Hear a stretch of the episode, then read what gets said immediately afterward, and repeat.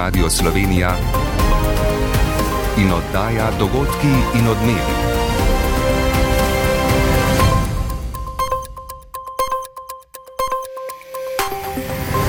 Ura je 15 in 30 minut. Dobr dan. Pozdravljeni. Reforma zdravstva se bo začela in končala pri denarju. Če v dveh letih celovito ne uredimo financiranja, bomo prišli do dna vreče, opozarja minister Daniel Bešič Loredan.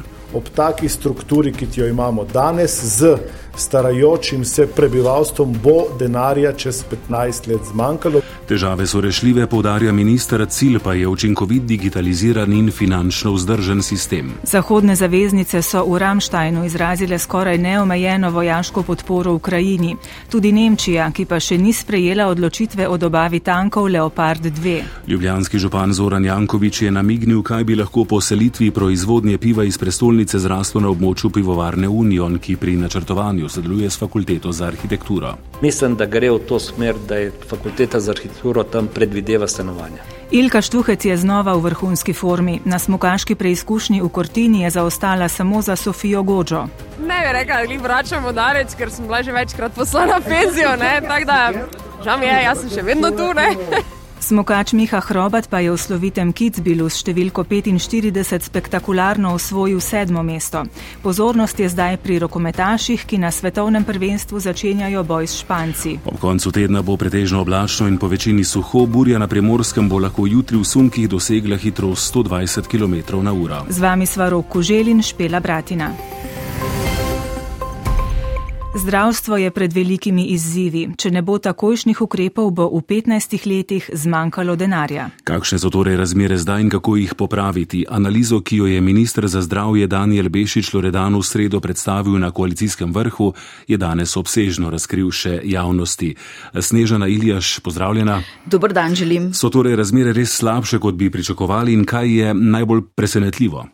Je, da so razmere še slabše, kot si mislimo in podobnih besed presenečenja, kot smo jih slišali po koalicijskem vrhu, minister danes sicer ni ponovil, je pa upozoril, da so podatki alarmantni, predvsem, če pomislimo, kaj nas čaka v prihodnjih nekaj letih, ukolikor nič ne spremenimo. No in aktualne podatke iz analize je povzela Katja Arhar, prisluhnimo.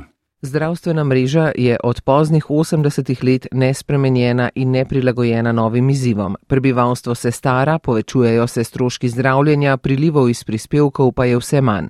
Plače in bruto domači proizvod rastejo namreč počasneje, kot rastejo izdatki za zdravstvo na prebivalca.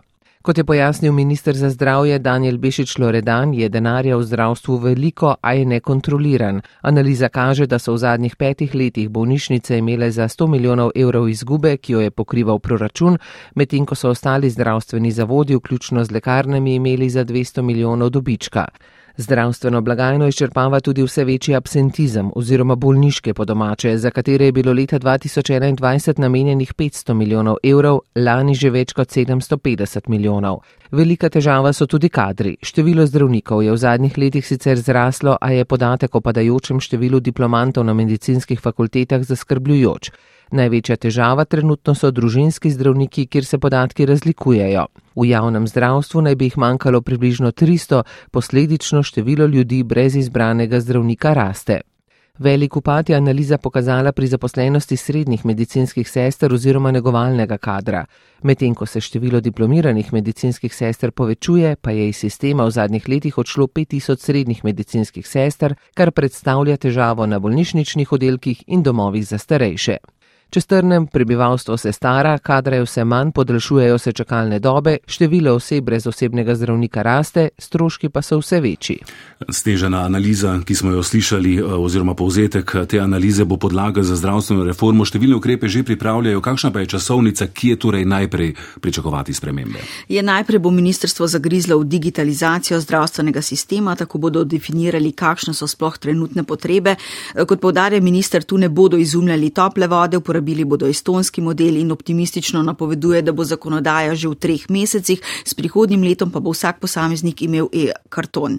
Hkrati pa se bo digitalizirala tudi zdravstvena blagajna. Zavod za zdravstveno zavarovanje Slovenije v primerjavi z estonskim modelom, kjer je v središču pacijent, ki je transparenten, jasen in javen, svoje naloge ne opravlja. Zavod upravlja z 4 milijardami in pol denarja, ne vemo, kam točno gre, sistem je zaprt in ja, z vidika finančnika, gospodarstvenika, nekoga je to ključni problem. No, eden od največjih problemov poleg čakalnih vrst je zdaj, kot smo slišali, tudi pomankanje zdravnikov. Kako nad ta problem? Ja, gre za problem, ki se ga žal ne da rešiti hitro, potreben bo kompromis, pravi minister. Najprej je do konca leta nujno določiti standarde in normative za vse ključne poklice v zdravstvu. 15 odstotkov zdravnikov obstoječo zakonodajo zelo dobro izkorišča in to bodo uredili tudi s premembami glede koncesij. Glede morebitnih dodatnih obveznosti oziroma omejitev dela pri zasebnikih pa je minister povedal ne bomo prepovedovali ali omejevali dela, bomo ga pa nadzirali s pomočjo digitalizacije, kdo, kje, na kakšen način lahko dela. In določili bomo maksimalno mesečno urno obremenitev. Kaj pa dostop do družinskih zdravnikov? Bodo ambulante za neopredeljene pacijente ostale? Ja, velika pozornost bo usmerjena v področje primarne medicine, kjer je cilj, da se obravnava 80 odstotkov vseh pacijentov. Zdravnike bodo zato, kot napoveduje minister, čimprej razbremenili, na novo definirali time družinske medicine, poenotili bodo delovanje urgentnih centrov ter izboljšali kakovost in varnost obravnave. Pri tem bodo, kot zatrjuje, upoštevali specifiko vsake regije, v šestih tednih pa skozi ambulante za neopredeljene ugotovili, koliko je sploh bolnikov brez izbranega zdravnika in zakaj. In zloglasno dopolnilno zdravstveno zavarovanje, kaj s tem? Ja, obstoječo obliko dopolnilnega zdravstvenega zavarovanja je po besedah ministra treba ukiniti z letom 2025 in določiti, koliko denarja bo za stabilno financiranje pokrival proračun. Celoten zdravstveni sistem, tako upravljanje kot izvajanje storitev, nadzor nad licencami in podobno, naj bi nadzirala posebna agencija, ustanovljena že prihodnje leto po finskem vzoru. Enkrat mesečno bo minister v poteku priprave obveščal tudi poslance in poslanske skupine k sodelovanju pa je povabil tudi opozicijo. Ja, smo že dobili kakšen uh, odziv? Ja, zdravniška zbornica je napovedane ukrepe že ocenila pozitivno, zlasti pozdravljajo ukrepanje glede kadrov, razbremenitev družinskih zdravnikov in boljšo organizacijo dela.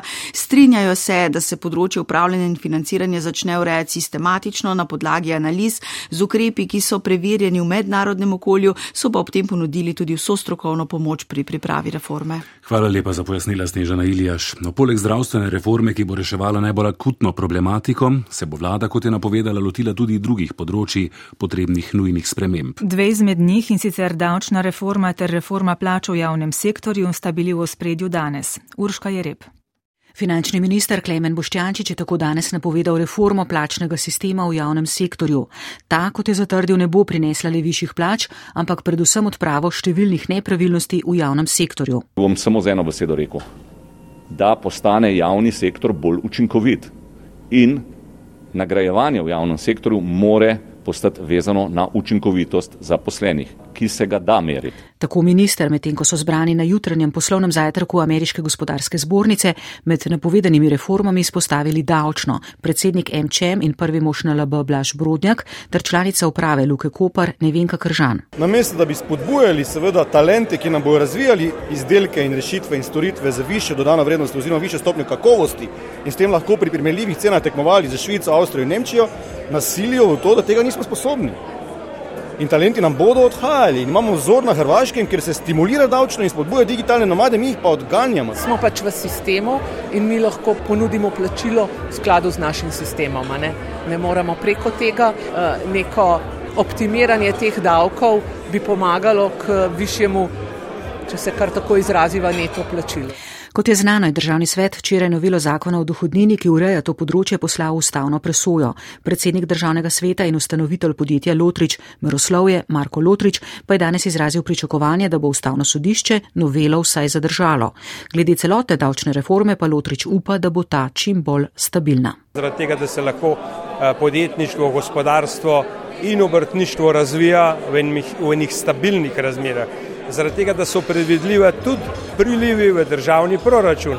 Na osnovi prilivov si pa mi lahko svojo košarico bonitet za vse državljanke in državljane ustvarimo. V spredju davčne reforme, kot pravijo, sicer ne bi smeli biti zgolj prilivi, ampak ravno tako pomembni odlivi. V zvezi s tem so se na MČM-u danes vprašali nekoliko provokativno, ali bi bilo odlive iz državne blagajne moč zmanjšati. Od žgočih domačih izzivov gremo v nadaljevanju širše. Zahod oborožuje Ukrajino pred pričakovano novo rusko ofenzivo. Zloglasna vojska ruskih plačancev Wagner vse bolj odkrito novači mlade Srbe. Iz Davosa v zasebnih letalih odhaja svetovna elita, ki je imela na dnevnem redu tudi okoljska vprašanja. Šli smo tudi po slede špekulacij o tem, čemu bo v prihodnje namenjeno eno od prvovrstnih zemljišč v Ljubljani, območje pivovarne Union. ZRC Sazu pa je razglasil besedo leta 2022. Beseda, ki ste jo zbrali, je gasilec. Več v prihodnih minutah, ko se bomo vključili tudi v prenos tekme na rokometnem svetovnem prvenstvu, na katerem naši igrajo s Španci v deseti minuti, je izid 6 proti 2 v korist Špancev. V vojaški bazi Ramstein v Nemčiji poteka srečanje predstavnikov 50 držav članic kontaktne skupine za pomoč Ukrajini, v jedru katere so članice NATO. Zaveznice se dogovarjajo o krepitvi vojaške pomoči napadeni državi. Že včeraj je odločitev o izdatnejši podpori in poziv drugim članicam v Talinu sprejelo 11 evropskih držav. Za nekaj pojasnil je z nami Matej Hrastar. Dobr dan. Dobr dan. Matej, kaj vse so zavezniki ob nenehnih zahtevah Ukrajine eh, obljubili tokrat? Vojaška pomoč zaveznic Ukrajine je zdaj že skoraj brez omejitev. Britanci bodo Ukrajini poslali glavne bojne tanke Challenger, enako namerava s svojimi leklerki storiti tudi Francija. Najdlje se upira Nemčija, ki razpolaga s tanki Leopard, njeno soglasje pa je potrebno tudi zato, da bi te tanke lahko poslale druge države. Poljska je sporočila, da je ob omahovanju Nemčije pripravljena njen veto tudi prezreti. Novi nemški obramni minister Boris Pistorius je povedal, da odločitve še niso sprejeli ter da imajo za odlašanje zelo tehne razloge. Vprašanje dobave tankov mora biti usklajeno z največjim in najpomembnejšim partnerjem v NATO, torej ZDA, je povedal Pistorius. Nov paket ameriške pomoči je vreden 2,5 milijarde dolarjev. Z včerajšnjo talinsko zavezo je 11 evropskih članic NATO Ukrajini obljubilo še težko topništvo, streljivo ter pehotna bojna vozila. Estonske obljube znašajo naprimer že en odstotek njenega bruto domačega proizvoda in še to, francoski predsednik Macron je za naslednje šestletno obdobje napovedal povišanje izdatkov za obrambo za 40 odstotkov, kar pomeni dodatnih 118 milijard evrov. No, glede na vse te velike obljube, kakšni so odzivi v Rusiji? Eh, od tam prihaja mešanica ogorčenja, svaril in neprikritih groženj. Tiskovni predstavnik Kremlja Dmitri Peskov je denimo sporočil, da ti tanki na terenu ne bi veliko spremenili, posledice take dobave pa bi bile negativne za Ukrajince. Se pa Rusi očitno bojijo ameriških raket srednjega dosega, s katerimi bi lahko ukrajinska vojska resno ogrožala tudi cilje na Krimu. O razsežnostih ruskega strahu priča, da so na nekatere stavbe v Moskvi, recimo na sedež Ministrstva za obrambo in poslopja v bližini Kremlja, včeraj začeli nameščati protiraketne sisteme. Včerajšnje besede Dmitrija Medvedjeva o tem, da bi vojaški poraz v Ukrajini svet vodil v jedrsko vojno, torej ruski poraz, je nadgradil mosk moskovski patriarh Kiril. Po njegovem norci iz zahodnih prestolnic želijo konec Rusije, kar bi pomenilo tudi konec sveta. Direktorica medijske hiše RT Margarita Simonjan pa je na državni televiziji večkrat povdarila, da Rusija ne bo tista, ki bi udarila zadnja, kar zlahka razumemo kot preprosto formulo, bolje je biti prvi kot zadnji. Matej Hrastar, hvala lepa. Prosim. V Srbiji se vrstijo burni odzivi na kazenske ovadbe zaradi delovanja paravojaške skupine Wagner v državi in rekrutiranja srbskih državljanov.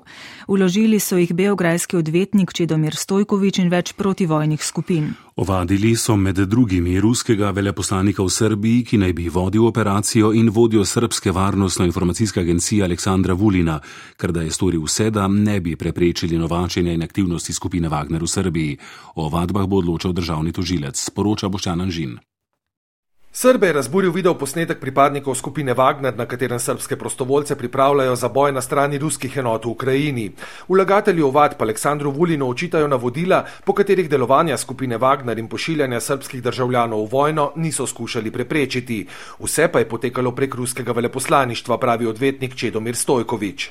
Ruski ambasador je ovde šef Ruski veleposlanik vodi organizacijo, ki mobilizira srpske državljane za sodelovanje v vojni v Ukrajini ter jim omogoča in posreduje finančno pomoč ter navodila, kako se prijaviti.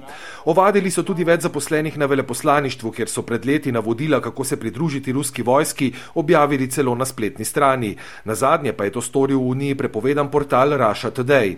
V Beogradu pa se je ob vseh ostalih grafitih v podporo Rusiji pojavil še znak skupine Wagner, ki ga je podpisala skrajno desničarska skupina Narodne parole šole. Med ovadenimi zaradi širjenja sovraštva in nestrpnosti so tudi njihovi člani. Na dan, ko je v Ukrajini zaradi eksplozije rakete umrlo 44 ljudi, tudi pet otrok, ko je bilo v Dnipru ranjenih 79 ljudi, se je v Beogradu pojavil grafit z logotipom skupine Wagner. To je grozljivo. Srbija ne bi smela dovoliti, da takšna skupina deluje tudi tu, pravi Anastazija Morzenska, predstavnica Združenja Ukrajincev v Srbiji. Srbska zakonodaja prepoveduje sodelovanje v konfliktih v tujini, v preteklosti so zato obsodili več kot 30 Srbov, enega leta 2000. 2017 tudi zaradi sodelovanja s skupino Wagner, ki pa v Srbiji ni prisotna, zagotavlja predsednik Vučić, sicer kritičen do novačenja Srbov. Odnosi z Moskvo pa so se brez dvoma ohladili. Vučić je ta teden dejal, da sta za Srbijo Donbas in Krim Ukrajina, a sankcij proti Rusiji za zdaj še ne namerava uvesti. Svetovne gospodarske napovedi za letos so bolj optimistične kot še pred nekaj meseci, a tveganja zaradi posledic ukrajinske vojne in drugih morebitnih kriz ostajajo velika.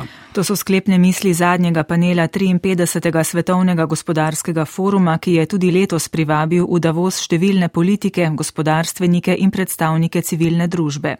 Blašer Menc. V švicarskem letovišču so se v teh dneh zbrali številni svetovni odločevalci, med njimi približno 600 direktorjev večjih globalnih podjetij ter več kot 50 predsednikov vlad oziroma držav. Opazno so manjkali predstavniki Rusije. Slovenijo je na forumu zastopala zunanja ministrica Tanja Fajon. V razpravi o geopolitičnih razmerah je opozorila, da se je z rusko agresijo na Ukrajino svetovni red bistveno spremenil. Imamo spopad med vzhodom in zahodom. Davoški, morda za nekoga elitistični vrh posebej za ranljivejše dele sveta in družbe, je lahko uspeh, če se res slišimo in če res uspemo delati iskreno za izboljšanje razmer v svetu. Čeprav je bila v spredju številnih razprav vojna v Ukrajini in z njo povezane posledice, je bilo veliko pozornosti namenjena tudi podnebni krizi, vlaganju v zelene tehnologije in prehodu v brezoglično družbo.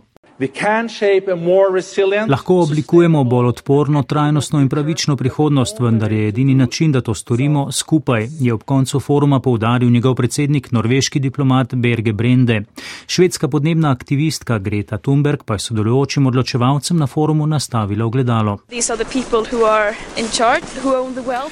Tu v Davosu so ljudje, ki so odgovorni, ki imajo bogatstvo, ki vlagajo fosilna goriva in vendar od njih pričakujemo, da bodo rešili podnebno krizo namesto da bi prisluhnili ljudem, ki jih je prizadela, je podarila švedska aktivistka in pozvala k zaustavitvi financiranja novih naložb v fosilna goriva.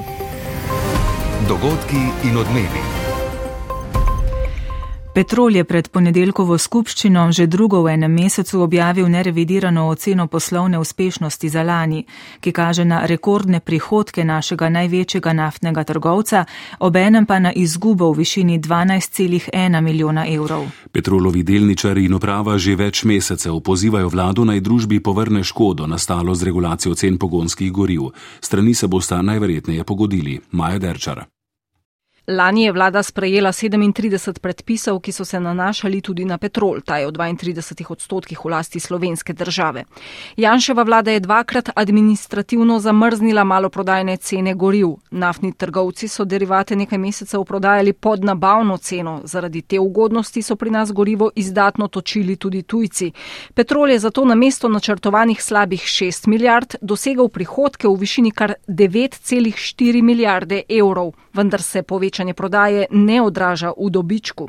Po trenutni oceni je kosmati dobiček v lanskem letu znašal slabih 96 na mesto 300 milijonov. Čiste izgube je tako za 12,1 milijona evrov. Vprašanje pa je, ali bo država, Slovenska in Hrvaška, petrolu povrnila škodo na segmentu goriv tako, kot jo namerava na segmentu elektrike in plina. Petrol od slovenske države pričakuje 106 milijonov. Ne na petrolu, ne na gospodarskem ministrstvu ne želijo odgovarjati pred ponedeljkovo skupščino petrola. Uprava pod vodstvom Nade Drobne Popovič je sicer napovedala, da bo do sredine januarja uložila predlog za mirno rešitev spora in če to ne bo zaleglo, uložila tožbo. Vladna stran se menda zaveda, da bi tožbo najverjetneje izgubila, zato je še najbližja pot medijacija oziroma pobot, ki bi naftnim trgovcem v prihodnih letih nadomestil izgube iz prejšnjega leta. Na vnovični skupščini Petrola v ponedeljek bo morda znano več. Glavna točka dnevnega reda skupščine bo sicer na predlog slovenskega državnega holdinga zamenjava do zdajšnjega nadzornika družbe Aleksandra Zupančiča z novim nadzornikom Rokom Ponikvarjem.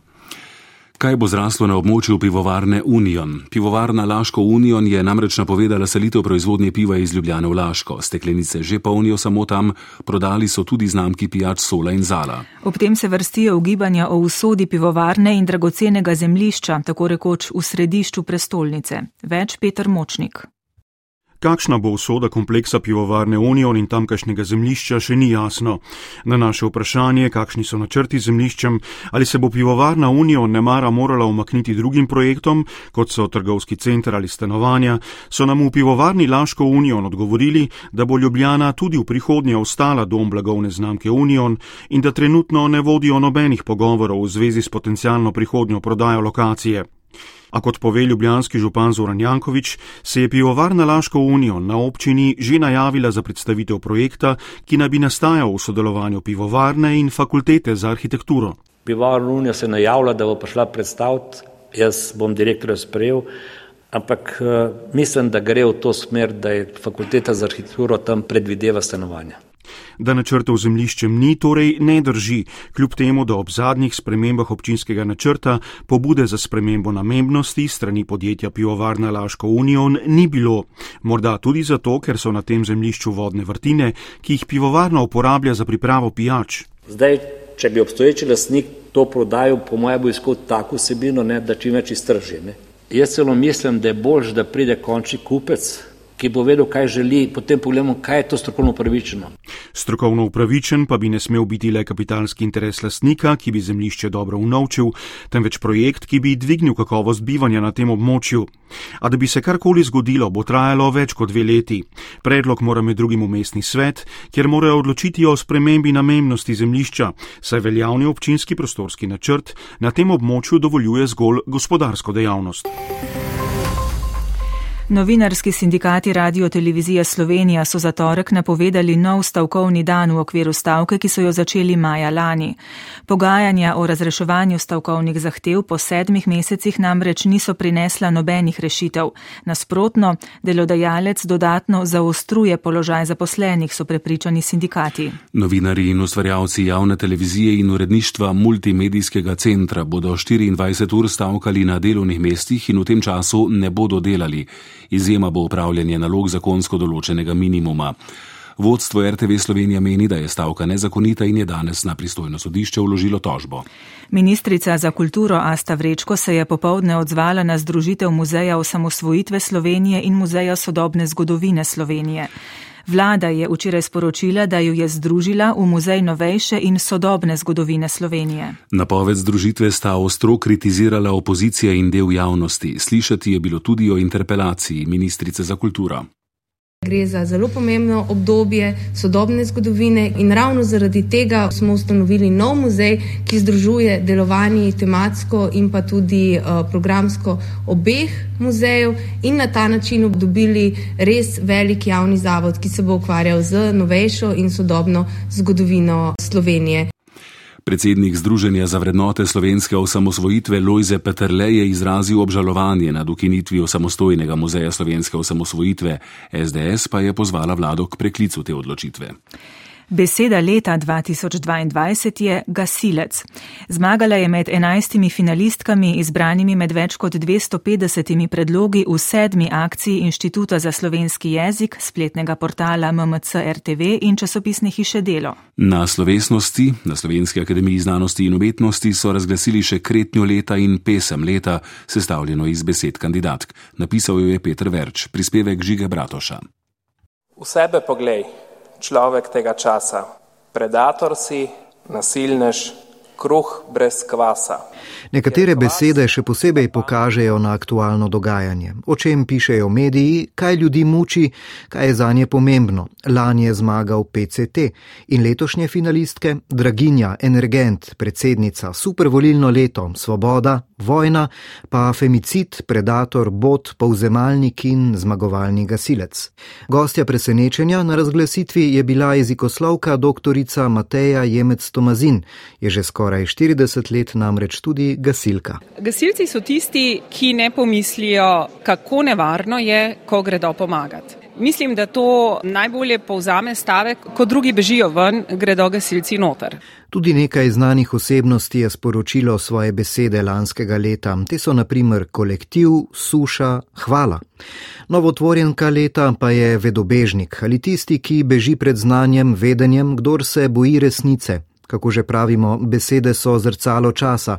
Vodja akcije, doktorica Simona Klemenčič o neologizmu, ki so ga izbrali v Oxfordu v Angliji. Stanje, ko se mi ne da niti umiti, kako že je Goblin Mode, kaže pravzaprav, kako smo se spremenili v času pandemije. In še kretnja leta, ta ponazarja pomenljivo besedno zvezo Vse je v naših rokah. Tak je bil tudi naslov razstave, s katero je Zveza društev gluhih in naglušnih na Jakopičevem paviljonu predstavila 90 let organiziranega delovanja gluhih v Sloveniji. Beseda današnjega dneva pa je znova zdravstvo. Ministr Daniel Bešič Loredan je razgrnil analizo zdravstvenega sistema in nadaljne reformne korake. Do 1. aprila naj bi oblikovali ločen plačni stebr za zdravstvo in socialno varstvo. Prenovljeni Zavod za zdravstveno zavarovanje naj bi postal središčna točka zdravstvenega sistema. Ključna naloga zdravstvene reforme je po besedah Bešiča Loredana vrnitev temeljne obravnave pacijentov specialistom družinske medicine. Do konca leta je napovedal odločitve o spremembah pri koncesijah, s 1. januarjem 2025 pa ukinitev zdaj veljavne oblike dopolnilnega zdravstvenega zavarovanja. Pester dan je tudi na športnem področju, poleg zimskih športnikov stiskamo pesti za rokometaše, ki igrajo na svetovnem prvenstvu. V nadaljevanju bo z vami Marko Cirman. Hvala za pozornost. In lepo se imejte.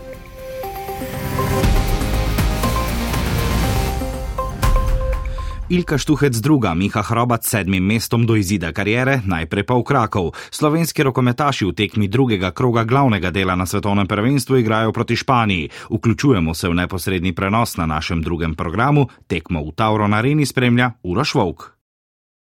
Torej, teče prvi polčas, 25 eh, minuta, Španija vodi 13 proti 12, Slovenija je slabo, nervozno začela, zaostajala že 7 proti 3, potem pa ujela dobro igro, predvsem v obrambi in se počasi približevala. Zdaj je eh, povsem blizu španski reprezentanci, 7 metrov, ko bo imela Slovenija za novo izenačenje, ko je do konca še 5 minut v prvem polčasu. Urban Lesjak že pri devetih obrambah, po dva gola pa za Slovenijo Kodrin. Kozin, Ovniček, Bombač in Mačkovšek, na drugi strani štirikrat strelec ob hitrem izvajanju sredine igrišča Kaldi Odrio Sola, Dejan Bombač pa na črti sedmih metrov, natančen za novo izenačenje. Prvi slovenski strelec danes je Dejan Bombač, tretji njegov gol Slovenija zmago blizu četrt finalu. Če pa bo izgubila, potem uh, verjetno možnosti za četrt finale ni več. Slovenska reprezentanca lovi torej četrt finalno vstopnico v drugem uh, krogu drugega dela tega svetovnega prvenstva v Krakovu pred približno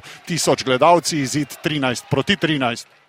Zelo dober dan za slovensko alpsko smučanje. Ilka Štuhec je v Kortini Dampeco na petem ženskem smuku sezone še drugi zapored stopila na oder za zmagovalke. Znova je usvojila drugo mesto. Ilka Štuhec je navdušila z naskokom najhitrejša je bila v spodnjem delu proge in se Sofiji Gođa, ki je dobila četrtega od petih smukov te zime, približala na 13 stotink. Srečnih ni, ne, ker če bilo srečnih 13, svoj pa 13 predaj.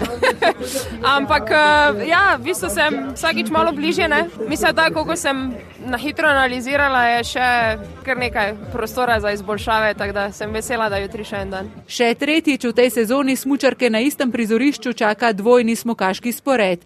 Ilkin doseže koliva veliko optimizma, očitno je slab teden stara poškodba gležnja pozabljena. 32-letna Mariborčanka se je z današnjim drugim mestom pospela tudi na drugo mesto v smukaškem seštevku. Italijanka Sofija Gođa ima kar 208 točk naskoka, do danes druga švicarka Korin Suter pa je na olimpijski progi grdo padla. Iz Kortine Dampeco, kjer je Ilka Štuhec še petič stopila na zmagovalni odar, Anja Hlača Ferjančič. Uspešen dan slovenske reprezentance sta v Kitzbilu dopolnila Miha Hrobat in Martin Čater. Slednji je bil 24, Hrobat pa je sedmim mestom na legendarni progi Štrajf poskrbel za svojo uvrstitev karijere. V bistvu mi je uspela zelo, zelo dobra vožnja. Uh, res je, da smo imeli pač malo sreče z vremenom, ampak ponovadi je veliko obratno, imamo mi v zadnji zmer kakšno slabo vreme, tako da sem mogel izkoristiti, vedel sem, da se da. Na štartu sem se prepričal, da, da sem lahko zelo hiter. Neki napak je še vsem bilo, treba za jutri še malo pogledati, ampak zelo kvalitetna vožnja. Na šesti postaji sezone svetovnega pokala v biatlonu v Anderselvi je končan sprint za biatlonce. Na startu je bilo tudi pet slovencev. Z prizorišča poroča Tomaš Langerholz. Trije med njimi so dobitniki točk svetovnega pokala. Jakov Fak eh, z dvema kazanskima krogoma, po enkrat eh, na streljanju leže in stoje, je 29. Nekaj več kot dve minuti je zaostal za serijskim zmagovalcem te sezone, najboljšim biatloncem na svetu, Johannesom Tinesem Bejem. 34. Aleks Cisar, en zgrešeni strel v streljanju stoje, 38. Miha Dovžan, prav tako enkrat nenatančen v streljanju stoje. Preostala dva slovenca, Anton Vidmar, Mlinar in Lauro Planko sta bila uvrščena za 60. mestom in ne bosta nastopila na jutrišnji zasledovalni tekmi. Zmagovalec pa torej Johannes Tinjes B pred Martinom Ponsilomo iz Švedske ima 31 sekund prednosti, tretji pa Šturla Holem Lagreti iz Norveške z ostankom 37 sekund. Zgodaj zjutraj so bili na delu skakalci, ki so zbrani na japonskem. V Saporu dva slovenska skakalca med deseterico, Timi Zajc sedmim mestom najboljši v sezoni, mesto boljši Anžela Nišek. Še trije so osvojili točke. Trener Robert Hrgota. Lepo kitni uspeh danes, dva med deset. Mogoče manjkala pika na i, da bi bili v igri za zmagovalni odr, ampak po manjših težavah, ki smo jih imeli še s prilagajanjem, zelo soliden začetek sapora, tako da se veselimo že naslednjih dveh tekem. Prvo zmago v sezoni je dosegel najboljši iz lanske zime, Japonec Ryoju Kobayashi. Na odprtem teniškem prvenstvu za Grand Slam v Melbourneu je izpadel Rus Danil Medvedjev, ki ga je s tri proti nič v nizih izločil američan Sebastian Korda. V tretjem krogu ženskega dela turnirja je prva nosilka Poljakinja Iga Švjontek brez težav z dve proti nič v nizih premagala Španko Buksa. Poslušali ste oddajo Dogodki in odmevi, urednica Urška Ivanovič, voditelja Špela Bratina in Rok Kožel, tonski mojster Matic Ferlan.